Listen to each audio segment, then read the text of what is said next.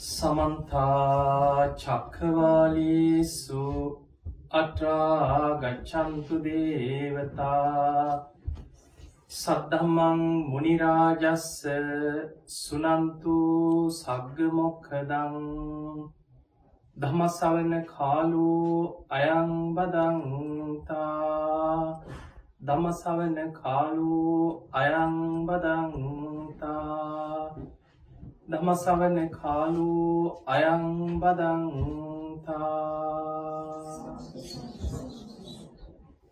නමුතස්ස භගවතු වරහතු සම්මා සම්බුද්ධස්ස නමුතස්ස භගවතු වරහතු සම්මා සම්බුද්ධස්ස නමුතස්ස භගවතු වරහතු සම්මා සම්බුද්ධස්ස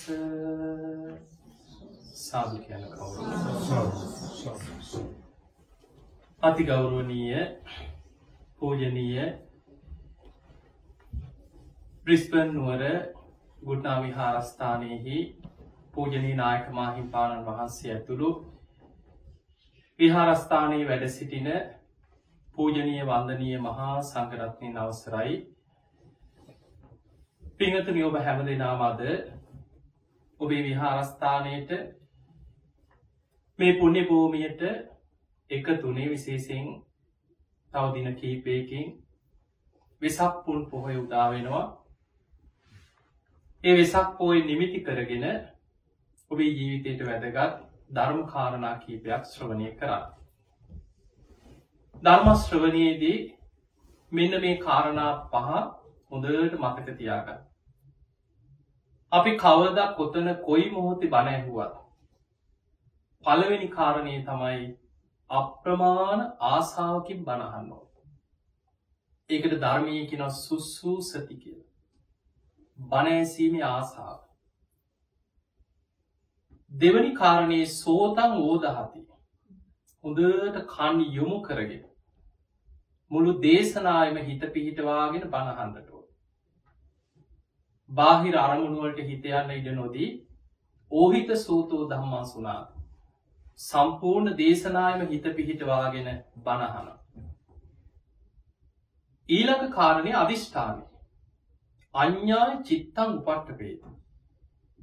මං මේ ධර්මය තේරුම් ගන්නවා වටහා ගන්නවා අවබෝධ කරගන්නවා කොහොම හරි මේ ධර්මය මගේ ජීවිතයට ගලප ගන්නවා කියලා දැඩි අධිෂ්ඨානයක් ඇති කරගන්න.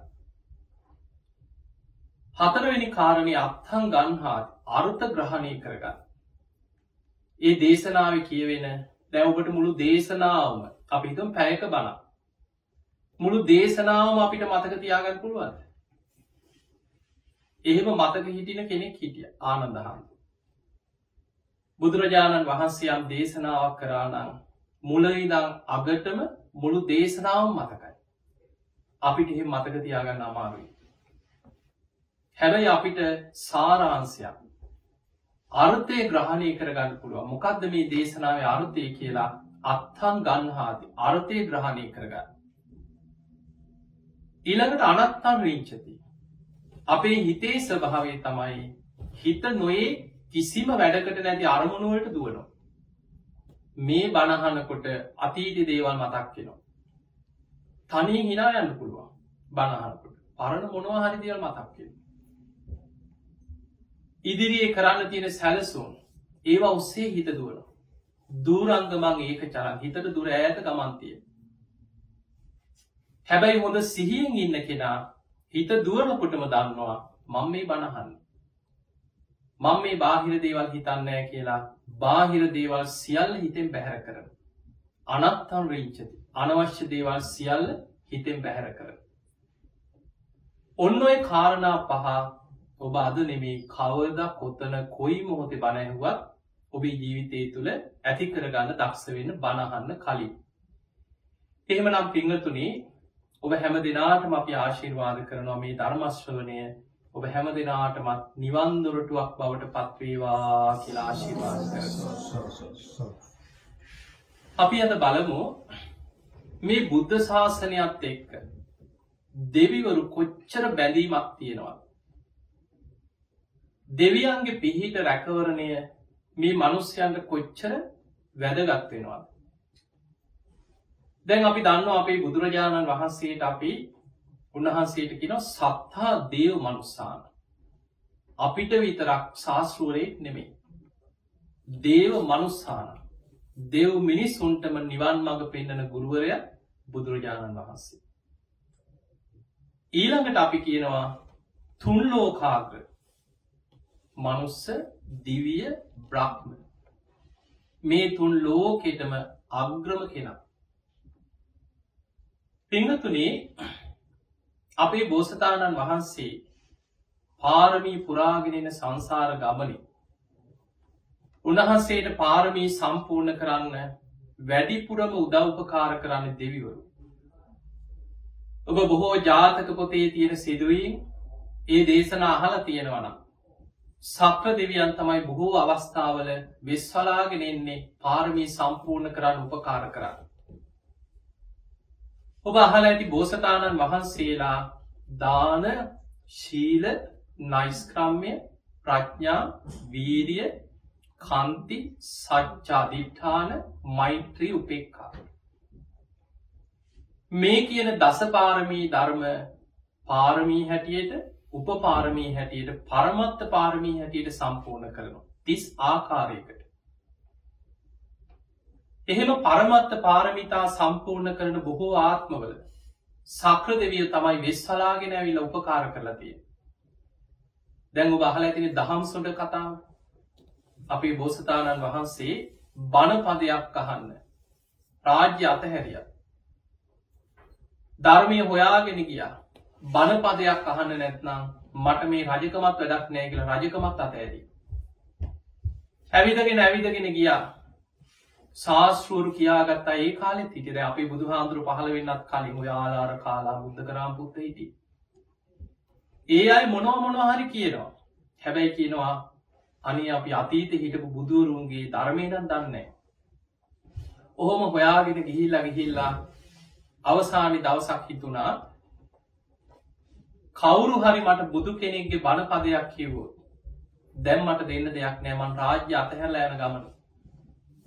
දැම්මට තියෙන මගේ ජීවිතය විතරයි. මම ජීවිතේ හරි ඒ ධර්මය වෙනුවෙන් පූජා කරනවා කියලා හිතුව.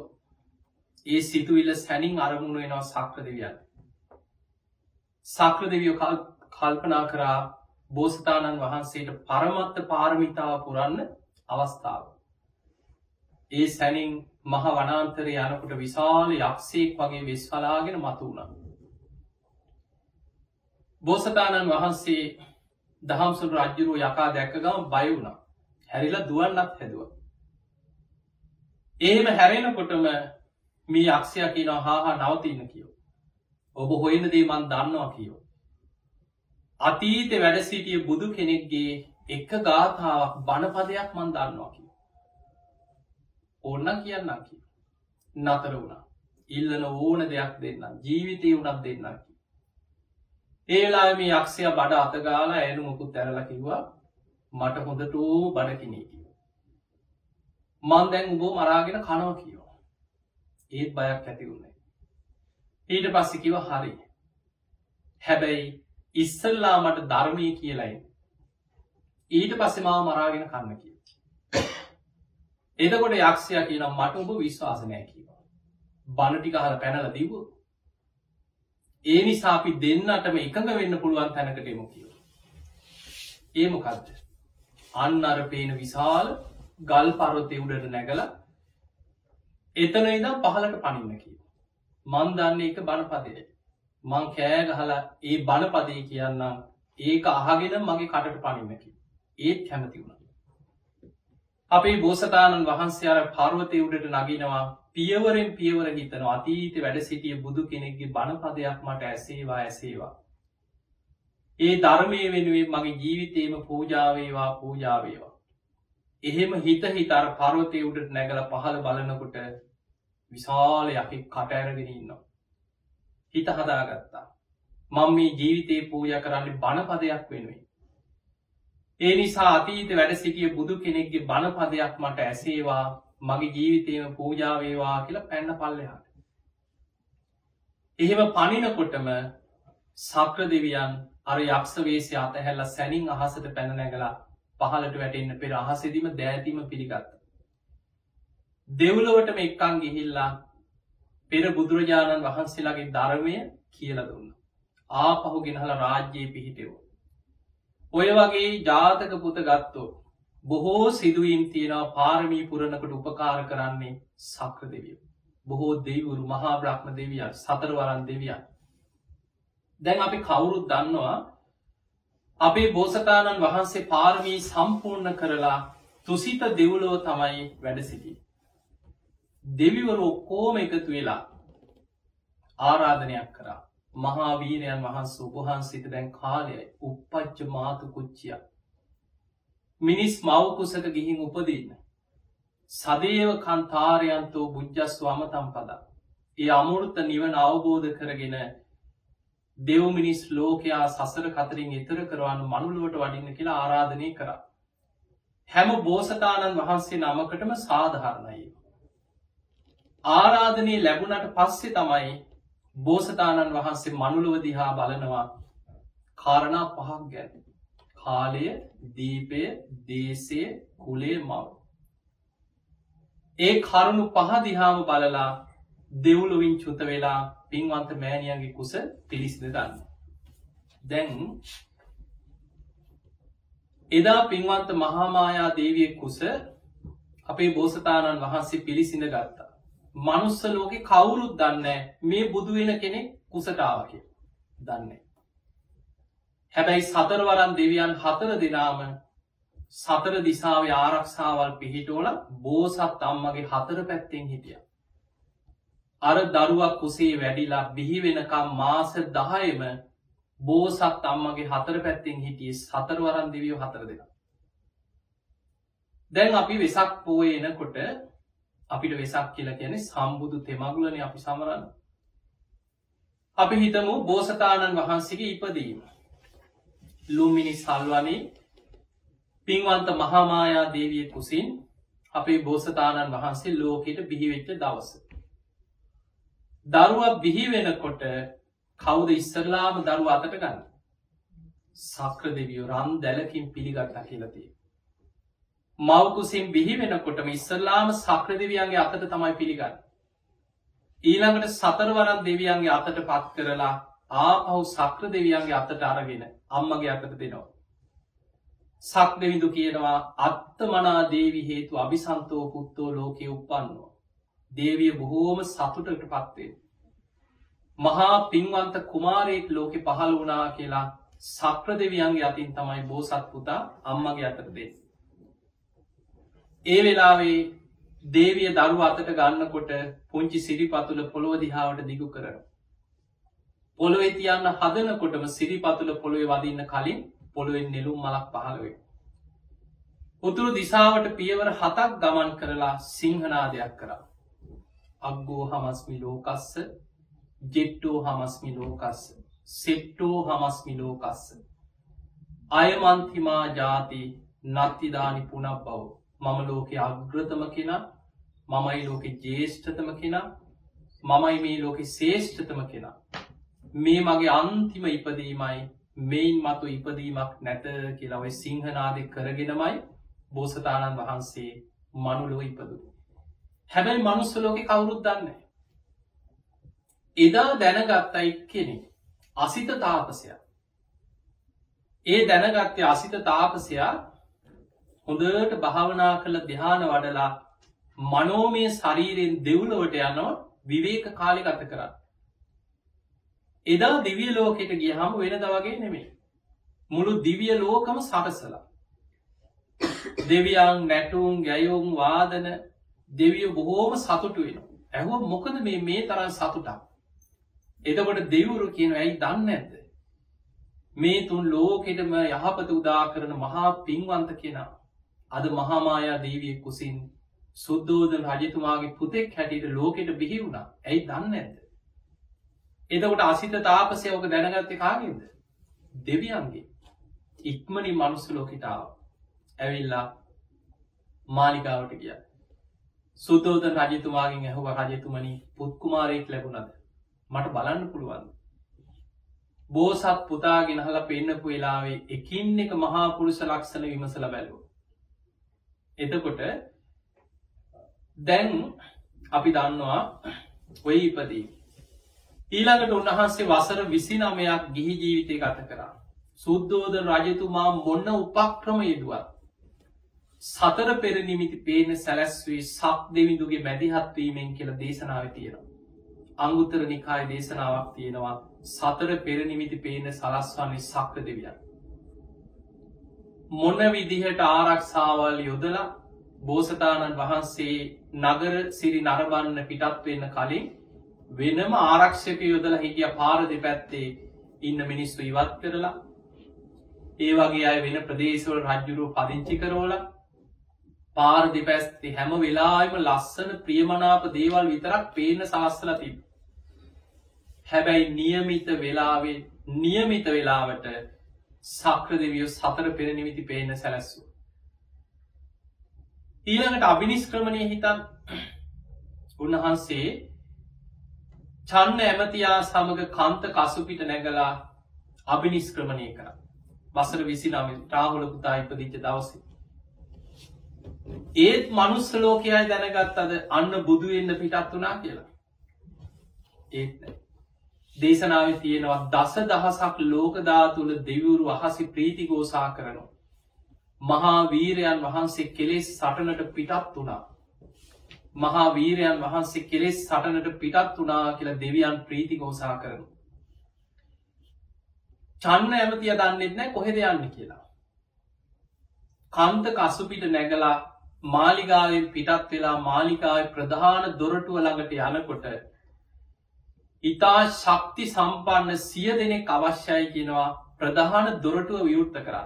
ඒ තමයි නගර තියෙන ආරක්ෂිත ප්‍රධාන දොරටු.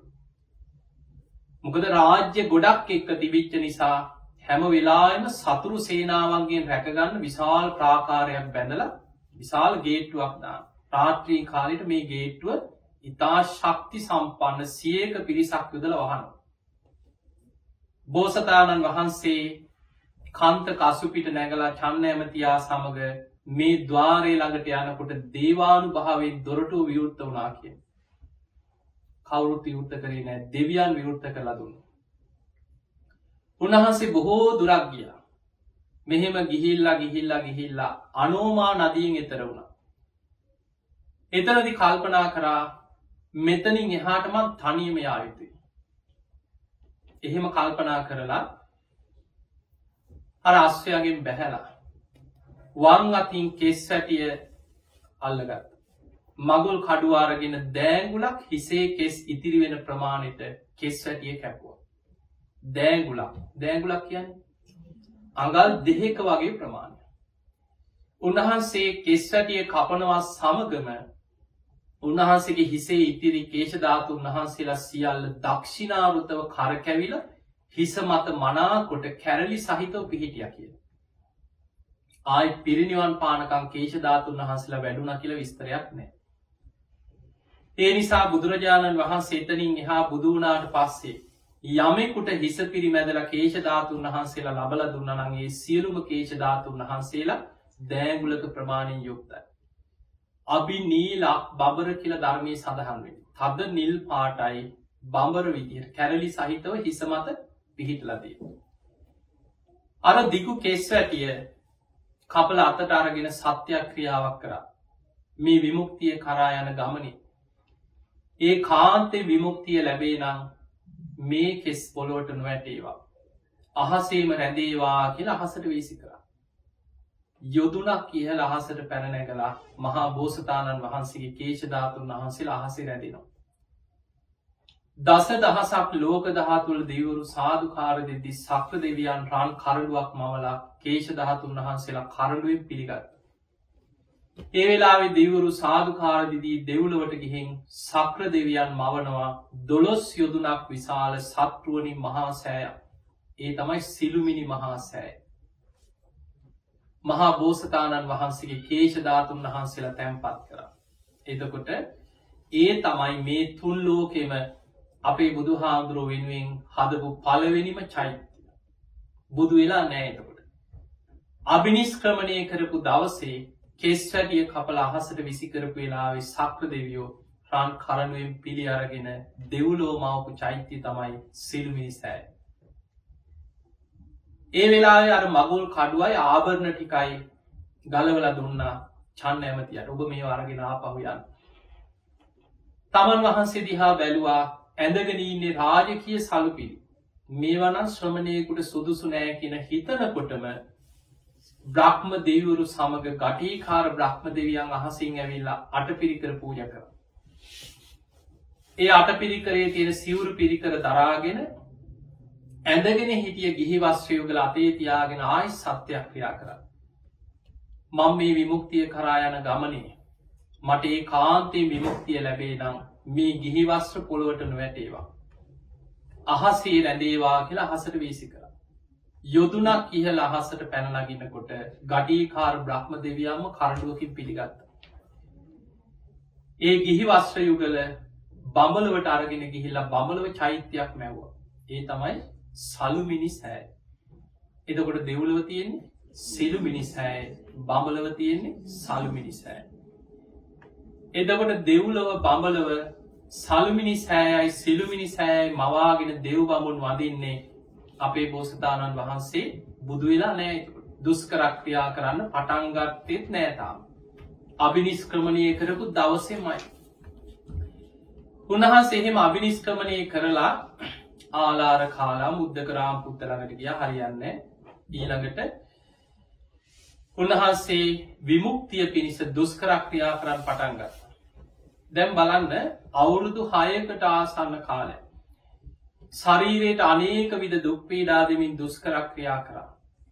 ඒ අතරත් බොහෝ තැංගොල දේශනාව තියෙනවා මම කෙටින් ඔබට කියාගෙන යන්නේ දෙවරු උන්වහන්සිට දුස්කරක් ක්‍රියා කරන අවස්ථාවල උපකාර කරපු සිදුවී.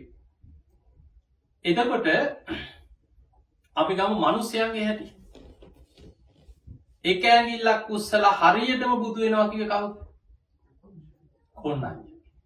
එදකොට තමන් දන්න ශාස්ත්‍රයේ තමන් ඉගෙන ගත්ත දේවල් ඒ තිබ්බ අංගලක්ෂණ ශාස්ත්‍ර වව් කෝම එක්කර බමුණු එකසි අටක් ගෙනහල්ල නම් තියෙන දවසේ අනිත් හැමෝම ඇගිලි දෙකක් උත්සල කියෝ මේ කෙන ගිහි ජීවිතය හිටියෝ සක්විති රජවේ. ගිහි ජීවිතය අතහැරියොත්නම් ලෝතුරා බුදු වෙනවා. හැබැයි පූර්ණ රෝම ධාතුන් වහන්සේ දිහා හොදට බලලා කොන්නඥ කියන කෙනා එක ඇගිල්ලක් උත්සල කියව මෙයානං ගිහි ජීවිතය ඉන්න කෙනෙක් නෙමේ. ඒ කාන්තෙන් මේ ගිහි සැප සම්පත් අතහැල්ල ගිහිල්ල ලෝතුරා බුදු වෙනවා මයිකි. එහෙම කියපු කෙනා තමයි එදා හිටපු ලාබාලම කෙනා. බෝසතාණන් වහන්සේ අභිනිස්ක්‍රමණය කරද්දේ. එදා නම් තියෙන දවසේකැන උන්වහන්ස ඉපදිලා ටික කාලකින්. අනිත් අයි වයසයි ගෙවල්වල ගිහිල දරුවන්ට කිව දරුවනේ අපි දැන් වයසයි. සුද්දෝදන් රජතුමාගේ පුට්‍රාත්තේ මහා පින්වන්ත කෙනෙ කවද හරි නුඹලට ආරංචියක් ආවොත් උන්වහන්සේ ගිහි ජීවිතය අතහැරිය කියලා නුබල පැවිදි වෙල්ල. උන්වහන්සේ හොයාගෙන උන්වහන්සේ ළඟට යන්න කියලා දරුවන්ට කියලා තිබ්බයි තාත්ත. වසර විසි නමේදී බෝසතාණන් වහන්සේ අභිනිශ්‍රමණය කරනකොට අර අනිත් බමුණ මැරිලා. කොන්නඥ කියන කෙනා ඒ දරුවන් ගාවට ගිහිලකිව මතකද පියවරු කියපුදේ. බොහෝ දෙනෙක් විවාහ වෙලා දරුමල්ලො ඉන්නවා බැඳී මැති වෙලා. ඒ අතරින් හතර දෙනෙක් ඉදිරි පත් වන අපි එනවා. ඒ තමයි වප්ප බද්ධිය මහානාම අස්ස. දැන් ඔය පස් දෙෙන ආවේ හොයාගෙනාව උන්වහන්සය හම්බුනා දුස්කරක්‍රියා කරත්. දැම් මේ පස් දෙෙන ආවේ අර අංගලක්ෂණ ශාස්ත්‍රය ගැන විශ්වාසයෙන් ඒ කාන්තයෙන් බුදු වෙනවා කියෙන විශ්වාසනෙන් හැබැයි උන්වහන්සේ දුස්කරක්‍රියා කිරීම අතහැරිය විතරයි මේ පස් දෙනම් බැන බැනාගිය නැද්ද? ඔන්න මනුස්්‍යයන්ගේ අර කොන්්ඩඥ කියන කෙනත් බැන බැනා ගිය ඇ උන්වහන්සේ මේ වීරී අතහැරි. උන්වහන්සේ අවුරුදු හයකට ආසන්න කාලයක් දුස්කරක්‍රියා කරලා අවසානය උන්වහන්සේටම තේරුණා දුස්කරක්‍රියාව විමුක්තියක් කරයන්න බෑ. දැන් අපි ගමු. සම්බුදු තෙමගුල අතර වැදගත්මදේ තමයි සම්බුද්ධත්වය. බුදුවෙච්ච දවස හිතමු. එදා සුජාතාවගේ කිරි පිඩුදානය වලදලා සොත්තිය බමුණනාදීපු පුස තනමිටියට අත් අරගෙන ඇසතු බෝධීන් වහන්සේ සෙවනේ නැගෙන හිර දිසාවට පුස තන ඉලල උන්වහන්සේ වැඩ සිටිය. ප්‍රාත්‍රී පලවෙනියාමේ අර දසබිම්බරක් මාරසේනා පරාජය කරලා ආනාපාන සති භාවනාවෙන් හිත සමාධිමත් කරගෙන රාත්‍රී පලවෙනියාමි පුබ්බේ නිවාසානුස්සති ඥානෙ දෙවනියාමි චුතෝපාතඥානෙ තුංගනියාමි පටිච්ච සමුපාදය අනුලෝම ප්‍රතිලෝම වසයෙන් විමසලා අවසන් වෙනවස් සමගම හිමිදිරි උදෑසන සියලු කෙලෙසුන්ගෙන් මිදිලා සම්මා සම්බුද්ධත්වයට පත්වෙන. දැන් අපේ බුදුරජාණන් වහන්සේ බුදුවෙච්ච දවස කිසිම මනුස්සේ දැනගත්තද අන්න අද බුදු කෙනෙක් ලෝක පහළ වුණා කියල් කවුරුදන්න. දෙව් බමුන් ප්‍රීතිගෝසා කර මේ ලෝකෙට ආයමත් දහම් මැසක් පහළ වුණ. දෙව් මිනිස් ලෝකයාට නිවන්දොරට විවර වුණා කියලා දෙවියන් ප්‍රීතිගෝසා කර. හැබැයි අපේ බුදුරජාණන් වහන්සේ බුදු වෙලා සතියක් ඒ විමුක්තිස්ව විඳමින් ඒ ඉරියව්වෙන් ඒ විදිහටම වැඩ හිටිය. එතකොට දෙවිවරු හැමෝටම හිත දකිින්ට බෑ. අල්පේ ශාක්‍ය මහේ ශාක්‍ය තම තමන්ගේ පෙර පිනට අනුව තමයි ඒ හැකියා පිහිට. හිත දැකීමේ හැකියාවක් නැති ඇතැම් අල්පේ ශාක්‍ය දෙවිවරුන්ට සැක සංකා ඇතිවුණ. තාම බුදු වෙලා නෑ. ඒකයි උන්වහන්සේ තාම වජිරාසනය මත ඒ විදිහටම වැඩයින්න. එතකොට අනිත් දෙවරු කියනවා නෑනෑ උන්වහන්සේ බුදු වෙලා යොයි වැඩයි. බුදුරජාණන් වහන්සේ බැලවා දෙවියන් අතර අදහස් දෙකක්. ඒ නිසා දෙව් බමුන්ගේ සැකදුරු කරන්න බෝධි මූලෙන් අහසට පැනනැගල බුදු කෙනෙකුට පමණක් කරන්න පුළුවන් යමා මහා පෙළහර පෑම සිදු කර. සාරිකුත්ත හාදුරන්ටවත් ඉරිදිවන්තයන් අතර අග තැන්පත් මුගලන් හාදුරුවන්ටවත් වෙන කාටවත් මොන පෙළහර පෑවත් යමා මහ පෙළහර පාන්න බෑ. එතකට බුදුරජාණන් වහන්සේ යමා මහ පෙළහර පානකුට අර සියලු දෙව් බමුන් සැක දුරු කරගත්තා උන්වහන්සේ කාන්තයෙන් බුදුනා කියල්. දැන් ඔය පෙළහර මනුස්සේ කවුරුවත් දැකලාව කියලා තියෙනවා. කවුරුත්තා ඒක දැක්කෙ දෙව් බමු. ඊළඟට දෙවනි සතිය නේත්‍ර පූජාවක් කරා කවරුතාවද මනුසේ කැවිල් හම්බුණා කතා කරා බණැහුව කියලා හතිනවා නෑ ඒ දන්නේ තුන්ගනි සතියේ රුවන් සක්මනයේ දුනා ඒ කවුරුතාවද මනුස්සේ ඒත් නෑ. හතරවෙනි සතිය උන්වහන්සේට රුවන්ගේ මවන්නේ සක්්‍ර දෙවිය ඒ සක් දෙවිදු මවපුරුවන්ගේ මත වැඩ සිටිමින් අභිධර්මය මෙනෙහි කර. උන්වහන්සේගේ ශරීරයෙන් සවනක් ගන බුද්ධ රශ්මි දහරා විහි දෙන්නේ හතරවෙනි සතිය. මේ බුද්ධ රශ්මි දහරා විහිදෙනවා දැකරවත් මිනිස්සු කවරුවත් ආවද හොයාගෙන ඒත් දන්නේ. පස්සනි සති අජ පාල නුගරුක මුලදී උන්වහන්සේ කල්පනා කරා මේ ධර්මය පරම ගහම්බීරයි. හැබැයි මේ ලෝකයේ මිනිස්සු කෙලෙස්වලින්මයි සතුට හොයන්. කෙලෙස් තුළමයි ජීවත්තය. මේ වගේ පරම ගහම්බීර ධර්මයක් මේ මිනිස්සු අවබෝධ කරගන්නේ. එහෙම හිතනකොටම සහම්පති මහා බ්‍රහ්ම දෙවියන් ඒක හැම බුදු කෙනෙකුටම සාධහරණ. මේ තුන් ලෝකය වෙනුවෙන් බුදු කෙනෙකුට දහම් දෙසන්න ආරාධනය කරන්නේ බ්‍රහ්ම ලෝකට අධිපති සහම්පති මහා බ්‍රහ්ම දෙවියන්. පස්වනි සතියේ සහම්පති මහා බ්‍රහ්ම දෙවියන් ඒ මොහොතෙම පෙනීදල වැඳගෙන ආරාධනයක් කර. නිදුකාණන් වහන්ස දහම් දෙසන සේක්වා. සුගතයන් වහන්ස ලෝකයාට දහම් දෙසන සේක්වා. බුදු කෙනෙක් පහළ වෙලා ධර්ම දේශනා කරන්න උකට ලියවුණො. මේ ලෝකයාම නැසීයාව වෙනසියාව. දහම් දෙසන සේක්වා කියලා ආරාධනයක් කර. ඒවිලේ තමයි කාටද මම් මුලින්ම මේ ධර්මී දේශනා කරන්න කියලා බුදු ඇසින් ඒ ආරාධනාව පිළි අරගෙන බල. ඒ බලති ආලාර කාලාව. දවස් හතකට පෙර මැරිලා අරූපී බ්‍රහ්ම තලයක ඉපදිල. උද්ධකරාමකුත්ත කලින් දවසරෑ මැදලතිය බලන්න කරුමි හැටිනේ කාටද මන් දහම් දෙසන්න කියලා බුදු ඇසින් බලනකොට කලින් දවසරෑ මැරිලා අරූපී බ්‍රහ්ම තලයක ඉපදිල. ඊට පස්සේ පස්සක භික්‍ෂූන් වහන්සේලා උන්වහන්සිට බැන බැනාගිය උපස්ථාන කරා පෙර පින් ඇති අය මේ පස් දෙනාට ධර්මී දේශනා කරනවා කියලා අධිෂ්ඨාන කරගෙන උදානයක් පල කලා. අපාරුතාත්වේ සං අමතස්ස දහරා යෝ සෝතවන්තු පමුද්ජස්සු සද්ධා. ඔන්න මේ ලෝකයේ මේ මහා බට්ට කල්පය ආයමත් බුදු කෙනෙක් පහළ වුණ. සද්ධාව ඇත්තෝ දෙසාවන්යෝමා ධර්මය මසත්තා කියල බුදුරජාණන් වහන්සේ උදානයක් පල කර.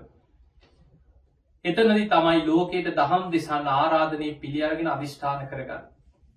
ඊළඟට හයවෙනි සතිය මුචලින්ද විලාසල හත්වනි සති රාජා ඇතන කිරි පලරුකමට එතනත් ලස්සන විස්තර ටිකක් තියෙනවා උන්වහන්සේ හත්වනි සතිය දැන් ඔය සති හතේ උන්හන්සේට කවුරුත් ඇවිල දාන පූජ කරා දාන වැල්දුව කියලා කොහෙවත් තියෙනවා නෑ හැබැයි සුජාතාවගේ කිරිපිඩු දාන උන්වහන්සේ වලදන්නේ ගුලි හතලිස් නමයක් හදලා අධිෂ්ඨාන කරල වලදන්න සති හතම උන්වහන්සේ වැඩ සිටියේ ඒ කිරිපිඩු දානයේ තිබිච්ච ආහාරෝජාව බුදු කෙනෙක් බුදු හාමුදුරුවන්ට උන්වහන්සේ කොච්චර දුස්කරක්‍රියා කරාදන දිවාග එක අබෑටේ තියාගෙන දවසක් කිසිම ආහාරයක් නැතු ඉඳල තියෙනවා කිය. එතකොට ඒ තරන් දුස්කරක්‍රියා කරලත් උන්වහන්සේගේ ශරීර ශක්තිය රැකුණ. එදා උන්වහන්සේ දැන් සක්සති අවසන් වෙන දවස ඔය අතර තපස් සුබල්ලෝක කියන වෙළඳ සොහොයුරන් කරත්තවල නැගල ඒ ළඟ පාරකී යනවා වෙළදා. ඒ අයගේ පෙරජීවිතේ අම්ම මැරිලා උක්ෂ දේවතාවයක් වෙලා ඒ අසල ඉපදිලා හිට. මේ දේවතාවය කල්පනා කරා බුදුරජාණන් වහන්සේ සති හතක් බුදු වෙලා. උන්වහන්සේට තාම කවුරුත් දාන පිළිගන්නල නෑ. මගේ පෙර සසරි දරුව දෙන්න. මේ අයිළඟ තියෙනවා විලද මේ පිඩු. පූජා කරෙව්වොත් මටත් පින් අයිති වෙනවා. දරුවන්ටත් පින් අයිති වෙනවා. අර කරත්ත රෝධයක් පොළොවෙ හිරවෙන්න සැලැස්සු. කරත්ත ටික නතර වුණ. බැහැල බලද්දි මේ දේවතාවිය පෙනී හිටිය. පෙනීදල කිව දරුවනී මෙන්න මේ පාරෙන් යන්න අන්න අසවල් තැන ලෝතුරා බුදු කෙනෙක් පහළ වෙලා වැඩඉන්නවා. උන්වහන්සේට ඉක්මනට දානි පූජ කරගන්න. පින් කරගන්න මටත් පින් දෙන්න කියලා නොපෙනී ගියා. විලද මීපිඩු අරගෙන යනකොට ඒ වෙලාවේ බුදුරජාණන් වහන්සේ කල්පනා කරන දැ සති හත අවසන් වෙලා උන්වහන්සේ මෝනකට දෝනය කරන්න ඕන කියලා හිතනකොට සක්‍ර දෙවියක් අනෝතත්ව විලෙන් පැන් අරගෙන ඇවිල්ල පිළිගන්නන. ඊළඟට උන්වහන්සේට වැසිගිලි කැසිගිලි කිස සිදු කරන්න ඕන කියලා හිතනකොට සක් දෙවිදු අරලු බුලු පූජ කරා කිය. ඒ වෙලාවෙ දැන් අර විලද මීපිටු පිළිගන්නන්න හදනකට උන්වහන්සේට පිළිගන්න දෙයක් නෑ ඇයි? පාතරයක් නෑ. සුජාතාව පූජ කරපුවා රම් තැලිය උන්වහන්සේ අර ගගේ පාකර ලැරියන මට ඒ කාන්තයෙන් බුද්ධත්වය ලැබේන මේ රම් තැලිය උඩුගම් බලා යෑවකිල අධිෂ්ඨාන කරලා. ඒ වෙලාවේ උන්වහන්සේ කල්පනා කරන කුමුක්ද මම් පිළිගන්න. හිතනකොටම සතරවරත් දෙවියන් හතර දෙනා ඉන්ද්‍ර නීල මානික්‍ය පාත්තර හතරක් කරගෙන අහසිංාව ස්වාමීනි මගේ පාත්‍රයේ පිළිගන්න මගේ පාත්‍රයේ පිළිගන්නකි. බුදුරජාණන් වහන්සේ වදාලා බුදුවරු මැනික්වලින් කරපු පාත්‍රා පිළිගන්න නෑකිව. ඒ සැනින් නොපෙනී ගිහිල්ල ශෛල මේ පාත්‍ර හතරක් අරගෙනාව. බුදුරජාණන් වහන්සේ සතරවරත් දෙවියන් හතර දෙනාගෙන කරුණාවෙන් පාත්තර හතරම් පිළිගන්න. එක උඩ එක උඩ තියල ශ්‍රී හස්තේ තිල අධිෂ්ඨාන කරා එක් පාත්‍රයක් බවට පත්වේවා කිය. ඒ පාත්තරයට තමයි විලද මීපිඩු පිළිගත්. පිංහතුනේ ඔන්න ඔය පාට්‍රාධාතුන් වහන්සේ අද වැඩඉන්න කොහෙද කොද තිය ලංකාව බුදුරජාණන් වහන්සේ බුදු වෙලා දෙවනි අවුරුද්දේ විශාලා මහනුවර තුන්බිය ඇතිවෙච්ච වෙලාවේ පිරිත් පැන් ඉස්සේ ඒ පාත්තරේ. ඒ පාටධාතුන් වහන්සේ සුමන සාමනීරයන් වහන්සේ අතේ ධර්මාසෝක රජ්ජුරු ධාතුන් වහන්සේලා පුරෝල ලංකාවට ඒව පාත්‍රා ධාතුන් වහන්සේට. ලංකාව යුදුනක් යොදුනක් පාසාමී ධාතු තැන්පත් කළ චෛත්‍ය ඉදි කරන්න කියලා ධාතුන් වහන්සේලා පුරුවල පාත්‍රාධාතුන් වහන්සේ ලංකාවට එව්. අපේ රටේ ඉතිහාස සිදුවීමක් තියෙනවා. ඔබ අහල ඇති බුද්ධදාස කියලා රජකෙනෙක් ගැන හතින අපේ රට හිටිය ඔයි සත්තුන්ට ඉදම් වෙදකං කරා කියලතිේ ඒ රජ්ජුරුවන්ගේ පුතා තමයි උපතිස්ස රජ්ජුරු උපතිස්ස රජ්ජුරුවන්ගේ කාලේ ලංකාව ඔය වගේම වසංගතයක් ඇති වුණා කියලති.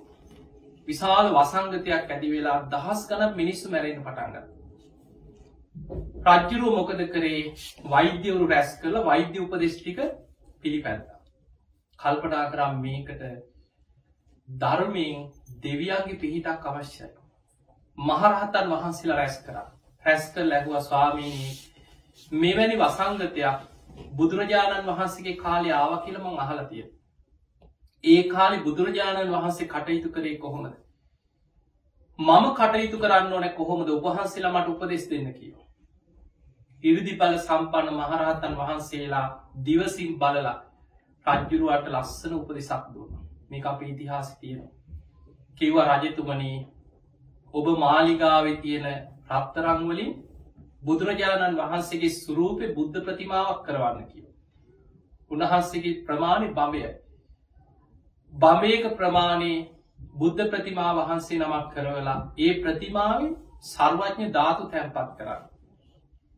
එතකොට බුදු පිළිමයක් කරලා ඒ පිළිමෙ ධාතුන් වහන්සේලා තැන්පත් කරාට පස්සේ එතන නියෝජනය වෙන්නේ බුදු හාමුදුරු. බුදුරජාණන් වහන්සේගේ පාත්‍රාධාතුන් වහන්සේ ලංකායි වැඩඉන්න. ඒ පාත්තරින් තමයි විශාලා මහනුවර තුන්බි ඇතිවෙච්ච වෙලා පිරිත් පැන්නිස්සේ. අර බුද්ධ ප්‍රතිමා වහන්සේගේ ශ්‍රී හස්තයට ඒ පාත්‍රාධාතුන් වහන්සේ තියලා පිරිත් පැම් පුරවලා රහතන් වහන්සේලා සමඟ පිරිත් කිය කිය ඒ ප්‍රතිමා වහන්සේ ඉදිරික ඉදිරියෙන් වඩම්මමින් ඒ ප්‍රතිමාවේ පාත්තරයේ තියෙන පිරිත් පැන් නගරට හින්න කිය. හැබැයි රජතුමනි ඕක කරන්න ඕන රජතුමත් සීලේක පිහිටලා රටවාසීන් සීලේක පිහිටල කරන්න කිය. එතකොට එක ප්‍රතිපල් ලැබේ. එදා රජ්ජුරුව මේක පිළිගත්තා. පිළියාරගෙන රජ්ජුරු අටසේ සමාදන් වුණා. රටවැසියන්ට අන කරලා ඒ මහරහතන් වහන්සිල ලවා මිනිස්සුම සිල්වත් කෙරව නගරවාසී. රජතුමා ගුණධර්ම පුරමින් රතන සූත්‍රයම පිරිත් කරලා අරවිදිහටම බමයක ප්‍රමාණ රන් බුද්ධ ප්‍රතිමාවක් කරවල ධාතු තැන්පත් කරලා ඒ බුද්ධ ප්‍රතිමාව ශ්‍රී හස්තය මත පාත්‍රාධාතුන් වහන්සේ තැන්පත් කරලා පිරිත් පැම්පුරවලා රහතන් වහන්සේලා සමඟ නගරයට පිරිත් පැණි සකේ. පහුවදා වෙනකට විශාල් වර්සාාවක් ඇදහැල්ල ඒ කාලෙ නියගෙකුත් තිබුණ නියගයක් දුරුණ දින කීපයක් යැනකොට වසංගතය නැතිවුණා කිය. අප ඉතිහාසි තියෙනවා. එදා ඒ උපතිස්ස රජ්ජුරුවෝ රාජ ආඥාවක් පනවල තියෙනවා අතීතේද මම මේ විදිහට කරා වසංගතයක් ආපු වෙලා අනාගතයේ මේ රටේ රජකං කරන යම් රජෙක්වේ අනාගතයේද මෙවැනි වසංගතයක් ආවොත් මම මේ කරපු දේ ආදර්ශයට අරගෙන මේ විදිහට කරත්වා කියලා රාජාඥාවක් පැනිව කිය. දැන් ක්‍රමෙත් තියෙනවා. ඔක්කොමත් තියෙනවා මොකක්ද කරන්නම් බැරිදේ. සීල්වත් කරන්න බෑ. උඩ ඉදම් පහලටම සීලේක පිහිටවන්න බෑ. ඒ නිසා කොච්චර රතන සූත්‍ර කිව්වක් ප්‍රතිඵල නැත. දෙවියම් පිහිට වෙන්නේ. ඒ නිසා පිරිතෙ ප්‍රශ්නයක්කත් ධර්මය ප්‍රශ්නයක්කත් නෙමේ. දෙවියන් හැරිලවත් බලන්නේ. පිංහතුනි රතන සූට්‍ර දේශනාවේ ඔබ රතන සූට්‍ර කියලා ඇති රතන සූත්‍රය පළවෙනි ගාථා දෙක තියෙන්නේ බුදුරජාණන් වහන්සේ දෙවියන්ට ආරාධනා කර කෝටි ලක්ෂයක් සක්වල දෙව්බමුන්ට ආරාධනා කරන පළවෙනි ගාථා දෙක ආරාධනා කලා ඉල්ලීමක් කරනවා. දිවාච රක්තෝච හරන්තියේ බලි. තස්මාහිනේ රක්ක තප්ප මත්තා මේ මනුස්්‍යයන්ව දවල් රෑ දෙකේ ආරක්ෂා කරන්න. මෙත්තං කරෝත මානුසියා පජාය. මේ මනුස්්‍යයන් ගැන මෛත්‍රීසිත් ඇති කරගෙන මේ මනුස්්‍යයන්ම රකින්න කියලා බුදු හාමුදුරු දෙවියන්ගෙන් ඉල්ලීමක් කර. ඒ ඉල්ලීම කරලා තමයි බුදුගුණ දහම්ගුණ සඟගුණ ඇතුළා සත්‍යයක් ක්‍රියා කරන්න. ඉතිරි ගාථාටිකේ තියෙන සත්‍යයක් ක්‍රියා. අවසාන ගාත තුන රතන සූත්‍රී බුදු හාදුරනමි දේශනා කරන්න. ඒ දේශනාව අවසන් වෙනකොට අර අහසේ රැස්වෙලා හිටපු කෝටි ලක්ෂයක් සක්වල දෙව් බමුන් වෙනුවෙන් සක්‍ර දෙවියන් පහලට බහිනවා දිවිය සුරූපයෙන්ම පහලට බැස්ස. බැහැල බුදුරජාණන් වහන්සේට වැඳගෙන ගාත තුනක් කිව්වා. යානීද භූතානි සමාගතානී බුම්මානිවායා නිවහන් තලික්කේ. තතාගතන් දේව මනුස්ස පූජිතන් බුද්ධන් නමස්සා විස්වත්ති හෝතු.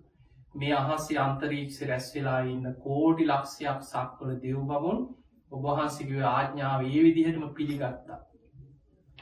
අපි දෙව් මිනිස්සුන්ගේ අග්‍රස්ථානයෙන් සලකන බුදුරජාණන් වහන්සේට අපි වන්දනා කරනවා. ධර්මයට වන්දනා කරනවා සංඝයාට වන්දනා කරනවා කියලා ගාත තුනකින් බුදුහාමුදුරන්ට වන්දනා කරලා ආඥාව පිළිගත්. හැබැයි ඒ බුද්ධ ආඥාව පිළිගත්තේ ගුණධර්ම රකින සිල්වත් මිනිස්සුන්ට පිහිටවෙනවා කිය. ඒ නිසා පිංහතුනේ අපි කොච්චර රතන සූත්‍රය කිව්වත් ගුණධර්මයක් ඇත්තන් දෙවියම් පිහිට වෙන්නේ. ඒක බුද්ධ දේශනා ගොඩක පැහැදිලිව තියෙනවා. දැන් අපි ගමු. බුදුරජාණන් වහන්සේගේ ප්‍රථම ධර්ම දේශනා දැන් ඉපදීම පුදුවීම ඊළඟට බුදුහාන්දුරන් ප්‍රථම ධර්ම දේශනා දම්සක් පැවතු සූට්‍ර මනුස්ස ලෝකෙම බණහිව කී දෙනාද?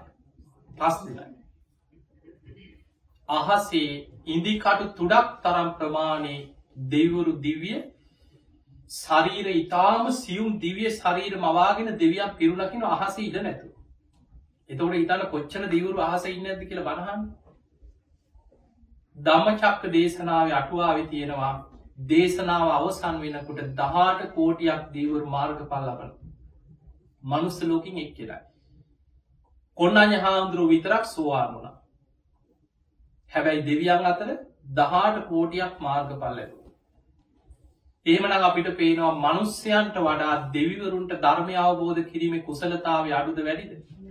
වැඩි පිංහතුනේ මේ බුද්ධ ශාසනයේ වැඩිපුරම මාර්ග පල් ලබල තියෙන මිනිස්සු නෙමේ දෙවරු බුදුරජාණන් වහන්සේගේ දේශනාවල බොහෝ දේශනාවලදී සඳහන් වෙනවා මනුස්ස ලෝකෙක්කු පස් දෙනයි දහ දෙනයි දාහක් කිය දෙවියන් අතර දහස් තනම් මාර්ග පල්ලබල ඊළඟට දැන් අපි ගම අපි දන්නම චරිත. සක්‍ර දෙවිය සෝවාන් වුණා. දීග නිකාය තියෙනවා සක්ක පං්ඥ කියල සූත්‍රය. ඒ දේශනාව අවසානි සක්‍ර දෙවිය සෝවාන් දැන් අපි දිවිය ලෝකේ නම් මාර්ග පල්ලක් අය පැත්තක තියමු මනුස්ස ලෝක මාර්ග පල්ලක් අය අද කොහෙදන්නේ රහතන් වහන්සේලා විතරයි පිරිනිවන් පැවේ එදා මනුස්ස ලෝකයේ සෝවාන් වෙච්ච කෝටි ගානක් හිටිය අද අද කොහෙද? දෙවිය ලෝකේ. එදා මනුස්ස ලෝකෙ බණහල බුදුහාන්දුරන්ගේ භික්ෂු භික්ෂුණී උපාසක උපාසිකාතර සකදාගාමි වෙච්චා හිටියන? අද කොහෙද? දෙව්ලෝ එදා මනුස්සලෝක බුදුරජාණන් වහන්සේගෙන් බණහල අනාගාමි වෙච්චා හිටියන අද සුද්ධවාස බවලෝ කීප දෙනෙක් එහි පිරිනවා පාල ඇති. ඒ නිසා දෙවියන්ගේ කාලෙන් ගත්තු මෙන්න මේ ගණනය කිරීම චුට්ටක් මතක තියාගන්න. නිකං හරි තේරුම් ගන්න. මනුස්සලෝක අපිට අවුරුදු පණහක් කියන්නේ චාතුම් මහාරාජික දිවිය ලෝක දෙවියන්ට එක දවසක්. මේ මනුස්සලෝකට ආසන්නයෙන් තියෙන චාතු මහාරාජික කියන දිවිය ලෝක. ආසන්නින් කීවට කොච්චර වගේ දුරද යොදුම් හතලිස් දෙදාහක් කිය යොදුනක් යැන සැතපුම් දාසින එදකොට යොදුම් හතලිස් දෙදාහක් ඉහල අහසි තින චාතු මහාරාජික දෙව්ලෝ. මනුස්සලෝක අවුරුදු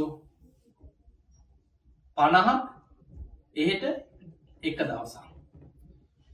ඒනම් අපිට බුදුරජාණන් වහන්සේ පිරිනිවන් පාල අවුරුදු දෙදස් පන්සිය ගානක් වෙනකොට ඒ දේවරුන්ට බුදුහාදුරු පිරිනිවන් පාල දවස් පනස් දෙකක් පනස්තුනක් වගේ. ඊළඟට තවත් යොදුම් හතලිස් හැම දිවිය ලෝකයක් අතරම් පරතර යොදුම් හතලිස් දෙදහක් කියලතිය. මනුස්ස ලෝක ඉඳ යොදුම් අසූහාරදාහක් කියහල අහස තියෙන්නේ තවතිසා දෙවරු. සක්්‍ර දෙවියෝ කියන්න මේ දිවියලෝක දෙකේම චාතුම් මහාරාජික තාවතිංස දෙකේම අධිපති එනිසා තමයික දෙදෙව්ලෝට අධිපතික. මනුස්ස ලෝක අවුරුදු සීයක් තවතිසාාවට එක දවසයි. එහෙනම් ඒ දෙවරුට බුදුහාදුරුව පිරිනම් පාල දවස් විසි හයක් වගේ. එතන ඉදන් තවත් යොදුම් හතලිස්සේ දහ කියලින් තියෙනවා යාම දිවිය ලෝක. මනුස්ස ලෝක අවුරුදු දෙසීයක් එහෙට එක දවසයි. එතකොට යාම දිවිය ලෝක දෙවියන්ට බුදු හාදුරුව පිරිනිවන් පාල දවස් දහතුනක් විතර. ඊටත් ඉහලින් තියෙනෙ තුසිත දෙව්ලෝ. මනුස්ස ලෝක අවුරුදු හාරසීය එහෙට එක දවසයි. බුදුරජාණන් වහස පිරිනිවන් පාල දවස් හයක් හතක් තුසිත දෙව්ලෝට. ඊටත් ඉහලින් තියෙන්නේ නිම්මාන රති දෙව්ලෝ. මනුස්ස ලෝක අවුරුදු අටසීයක් එහෙට එක දවසක්. බුදුහාදුරු පිරිනිවන් පල දවස් තුනක් වගේ. ඉහළම දිවිය තලේ තමයි පරණින්මිත වස්වාර්ථි දෙවලෝ. මනුස්ස ලෝක අවුරුදු එදදාස් හයසීයක් එහෙට එක දවසක් හැටිට ගණනයවේ. දවසකුත් පැය දාහතරයි ගෙවිලති. නිම්මාන රති දෙව්ලුවට බුදුහාදුරු පිරිනිවන් පාර. එහෙමනම් අදටත් බුදුරජාණන් වහන්සේ ඇස් දෙකින් දැකපු බනාහපු දෙවරු ඒ දිවිය ලෝකවල වැඩයි නොදර වැඩඉන්නවා. හැබැයි ඒ දෙවරු දුරාචාරී දෙන ධර්මයක් නැති ගුණයක් නැති ධර්මයට ගරහන මිනිස්සුට පිහිට වෙන්න. දෙවියන් මතක තියාගන්න දෙවියන් අතරත් තාම රහත්තුනුත් එහෙ සුද්ධවාසය හි පිරිනම් පා. ද අපිහිත මනුස්සලෝක අපි දෙවියන් අතරත් කෙලෙස් සහිතය. කෙලෙස් ටික ටික හරි තියෙනවා. මනුස්ස ලෝක අපි ගැන හිතම කවුරු හරි අපෙන් උදව්වෙල්ලවා.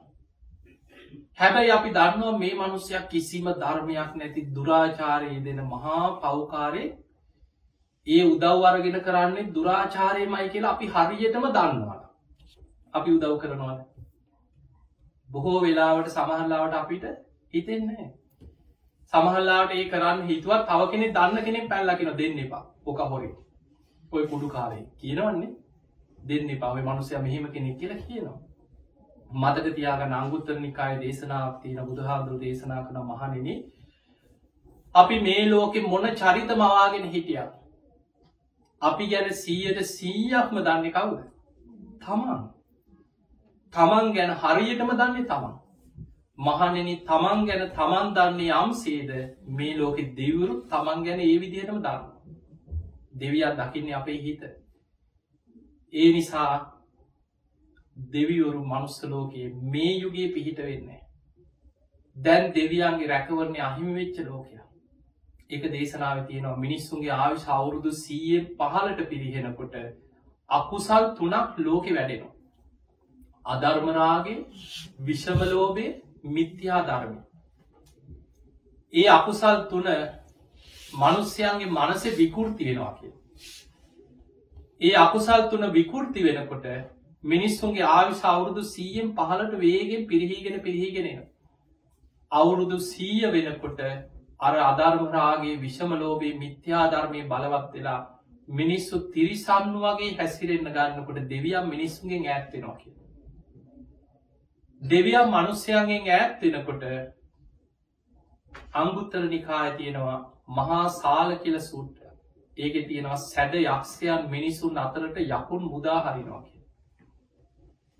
ගම් නගර නියංගන් ජනපද අනාගතයේ අමනුස්්‍යයන්ගේ ගොදුරු වෙනවා කිය දෙවියන් පිහිට වෙන්න ඇකි දෙවියන් හක බල දෙවියන්ගේ පිහිට නැතිවෙච්ච තැන අරක්ගන්න දරුණු අමනුස්්‍යයෝකි ඒ නිසා පිංහතුනේ අද ලෝකෙට මේ විපත සිද්ධ වේගෙනයන් ඒ නිසා ඔබට මේ කියපු කරුණු ටිකෙන් බුද්ධ චරිත ගත්තොත් අපිට ගොඩාක් විස්තර කරන්න පුළුවන් දේවරු ගැ බුදුරජාණන් වහන්සේගේ දින චරියාවේ රාත්‍රී දහයි දම් පාන්දර දෙක වෙනකම් මැදියම් යාම වෙන්කරේ දෙවිවරුන්ට. හැමදාම රාත්‍රී කාලේ මුළු මහත් ජේත වනින් බබලවාගෙන ආපු දේවතාවත් මෙහෙම ප්‍රශ්නයක් ඇහවා මෙහෙම ප්‍රශ්නයක් ඇහවා කියලා සංයුත්ත නිකාය තින දේවතා සංයුක්තය දේවපුත්ත සංයුක්ත කියලා දේශනා සිය ගානක් කිය. ඊළඟට බුදුරජාණන් වහන්සේ අභිධර්ම දේශනා කරේ දිවිය ලෝකට වැඩම කරලා දෙවියන්ට තමයි ගහම්බීරම කොටස දේශනා කරේ. එතකොට අපිට පේනවා බුද්ධ ශාසනයත් එක්ක දෙවරුන්ගේ කොච්චර බැඳීම සම්බන්ධයක් තියෙනවන. ඒ නිසා පිංහතුනී දෙවියන්ගේ පිහිට අවශ්‍යයි. ඒ දෙවියන්ගේ පිහිට නැතිවෙච්ච තැන විනාසයක් මයි. දෙවියම් පිහිට වෙන්නේ ගුණධර්ම තුළ ඉන්න තාක්කා. දැ බලන් මෛත්‍රිය ගැන බුදුහාන්දුර පේනව මහනිනි මෛත්‍රී වඩනවන් අපි ආයමි දෙවියන්ට වැඳගෙන වෙන අමුතුවෙන් ඉල්ලගෙන දොල පිදෙන දීගෙන් දඟලන්න දෙයක් නෑ. බුදුරජාණන් වහන්සේ පෙන්වේ සිල්වත්තේ මෛත්‍රිය වඩා දෙවියන්ට ප්‍රියම මෛත්‍රිය. මෛත්‍රී භාවනාව වඩන කෙනා දේවතා රක්කන්ති මෛත්‍රී ආනිසංසවල තියෙනවා. එය අමුතුවෙන් ඉල්ලුවත් නැතත් දෙවියන්ට වැන්දත් නැතත් දේවතාරක්කන්ති දෙවරුයාව රකින ඒ නිසා අපිට ලෝකෙ වෙනස් කරන්න බෑ. හැබැයි ලෝකෙ අපිට පේනවා වේගින් විනාසේ කරායනවා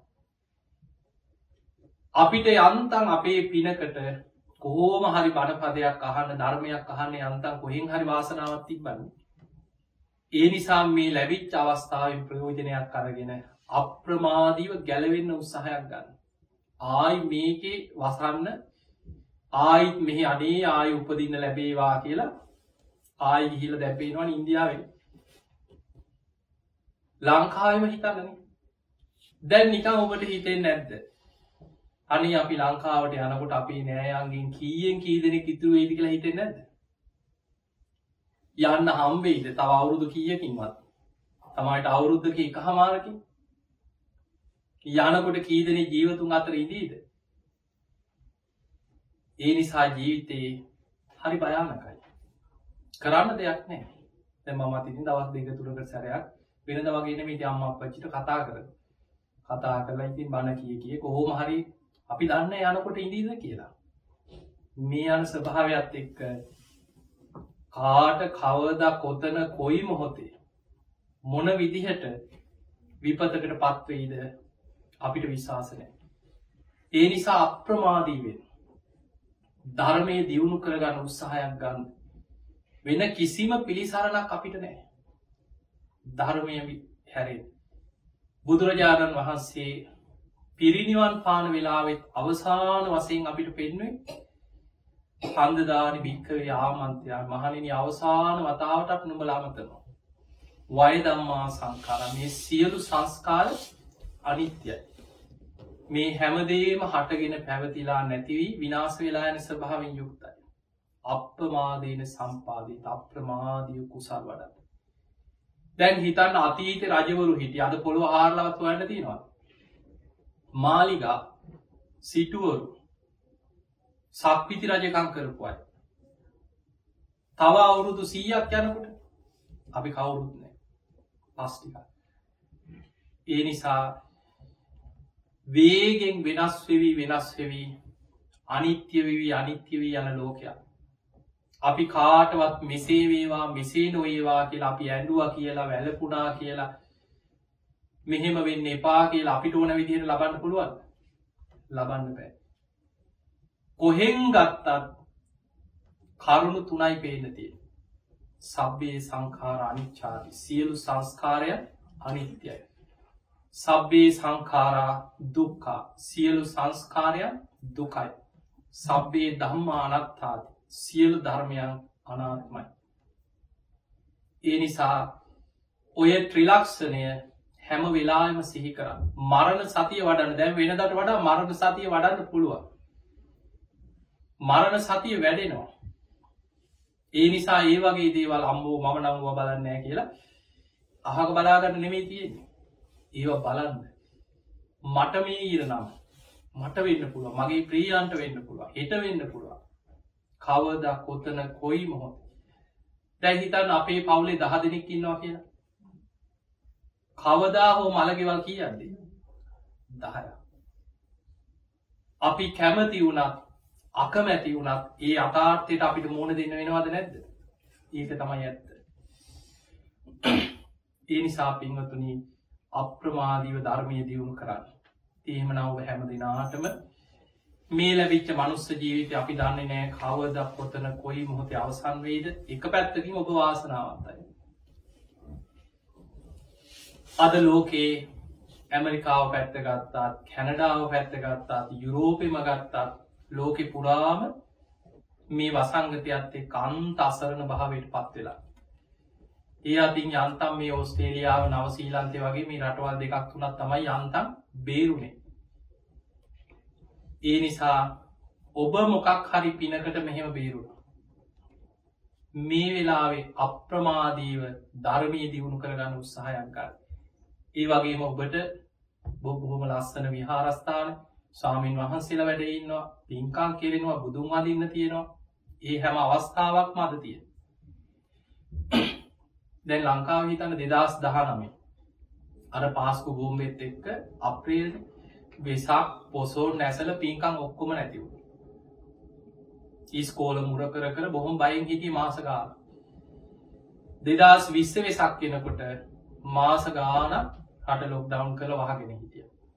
දෙදස් විසි එකේ වෙසක් බලාගෙන හිටිය. අවුරුදු තුනක් එක පිට එක පිට පින්කමක් නෑ පන්සලකට යන්න බෑ. බනක් අහන්න නෑ කිසිම වැඩ සටහනකට සම්බන්ධ වෙන නෑ ඒ අතින් ඔබ මෙහි එකතු වෙනවා බණහනවා පින්කං කරනවා. ඒ නිසා මේ ලැබිච් අවස්ථාවේ අප්‍රමාධීව ධර්මය දියුණු කරගන්න. ඉතින් එහෙමන ඔබ හැම දෙනාටම සබ්දහාදී ගුණ ධර්ම දියුණු කරගෙන උතුම් ධර්මයම අවබෝධ කරගන්න. වාසනාවල් ලැබේවා ලැබේවා ලැබේවා කිය ආශිවාද පිංහතුනී අද ධර්මශ්‍රවනයෙන් රැස් කරගත් සියලුපි සියලු දෙවියෝ සාධු කාරදිදීමේ පින් අනුමෝදන් වෙත්වා දෙවියන්ගේ දිව්‍යස්සේ සුරු වර්ධනය කරගෙන සියලු දෙවියෝ සසර දුකින් අතමිදේවා කියල සාධ කියල පින්දේ. ඒ දෙවියන්ගේ පිහිට රැකවරණ ආශිර්වාද ඔබ හැම දෙනාටමත් විශේසිෙන් විහාරස්ථානයේ ගුඩ්නා විහාරස්ථාන පූජනී නායක මහිපාණන් වහන්සේ ඇතුළු සියලූම ස්වාමීන් වහන්සේලා නිදුක්කේවා නිරෝගවේවා සුව පත්තේවා. උන්වහන්සේලා සිදු කරන ශාසනික කටයුතු තවතවත් දියුණු කරගෙන උන්වහන්සේලාටත් ප්‍රාර්ථනය බෝධියකින් උතුම් ධර්මීම අවබෝධ කරගන්න වාසනාව ලැබේවා කියලපි ආශිර්වාද කරමු. තිං අද දවසේ මේ ධර්මදානමී පින්කමේ පින්බර දායකත්තේ දරනවා මීට වසරකට පෙර අපාතරින් වෙන්න වූ ශ්‍රී ජයවර්තනපුර විශ්වවිද්‍යාලය හිටපු මහාචාරය MDC අබේරත්ත මහත්මාට පින් අනුමෝදන් කිරීම මුල් කරගෙන දීපා අබේරත්න මෑනියන් සමගින් ජනනී දුලන අචල සහ සචින යන දූදරුවන් එකතු වෙලා දායකත්වයෙන් සම්බන්ධ වෙනවා. ඒවගේ මරුණ සහ අනෝමා සිරිවර්ධන අරුණ මහත්මාගේ පියාට පින් අනුමෝදන් කිරීමේ අරමුණත් සුජීවත සින්න මෑණියන්ට සෙත් ප්‍රාථනා කිරීමේ අරමුණෙනුත් දායකත්තයෙන් සම්බන්ධ වෙනවා. ඒවගේ මනෝමා සිරිවර්ධන මහත්මියගේ දෙමාපියන් පින් අනුමෝදන් කිරීම ලලිත් සහ හේමා දිසානායක පවුලි හැම දෙනාටම සෙත් ප්‍රාථනා කිරීමත් මිය පල්ලෝගේ ඥාතීට පින් අනුමෝදන් කිරීමේ අරමුණින් සම්බන්ධ වෙනවා. ඒවගේම සහනි සහ ඒ මහත්මා ඒවගේම රෙස්මි බලල් මහත්මිය ඇතුරේ පවුලි හැම දෙනාම සම්බන්ධ වෙනවා. ඔබ හැමෝම කල්පනා කරගන්න ඔබ නම මිය පල්ලෝගේ සියලු ඥාතී සාධු කාරදිදී මේ පින් අනුමෝදන් වෙත්වා. ඒ අයගේ පරලෝ ජීවිත සැපවත් ඒවා ස්කූපත් ඒවා සසර දුකින් අතමිදේවා කියල සාධ කියල පි. ඒවගේම දායකත්ති දරුව හැම දෙනාමත් ඔබේ සුජීවත්ත ඉන්න දෙමාපියන් ආදී සියලු දෙනාම ඔබ හැම දෙනාමත් මේ විහාරස්ථානයට දන් පැන්දින උදව්පකාර කරන දායක කාරකාදී හැම දෙනාමත් ඔබ හැම දෙනාමත් නිදුක්කේවා නිරෝගවේවා සුවපත්තේවා සියලු දෙවියන්ගේ පිහිට රැකවන්න තුනුරුවන්ගේ ආශිර්වාදය හැම දෙනාටම සැලසේවා. ගන්න හිලන හුස්මරැල්ලක් පාසා තබන තබන පියවරක් පාසා තුළුරුවන්ගේ අනන්ත ආශිර්වාද රැකවන්න සැලසේවා. හැම දෙනාට මුතුම් ධර්මාවබෝධය පිණිසම මේ පින ආශිර්වාදයක් වේවා කියලපි ආශිර්වාද කරනු හොඳ යොම ඇඳගන්න අභිවාදන සීලිස්ස නිච්චංබද්ධහා ප්‍රචායිනෝ චත්තාරෝ දම්මා වඩ්ඩන්ති ආයුවන්නෝ සුකම් බලන් ආයුරාරෝග්‍ය සම්පත්ති සග්ග සම්පත්ති මේ වච්ච අතෝ නිබ්භාන සම්පත්ති මිනාතේ සමිච්චතු හැම දෙනාම නිදුක්කේවා නිරෝගවේවා සුවපත්තේවා සුවපත්තේවා සුවපත්තේවා හැම දෙනාටම තෙරුවන් සරණයි.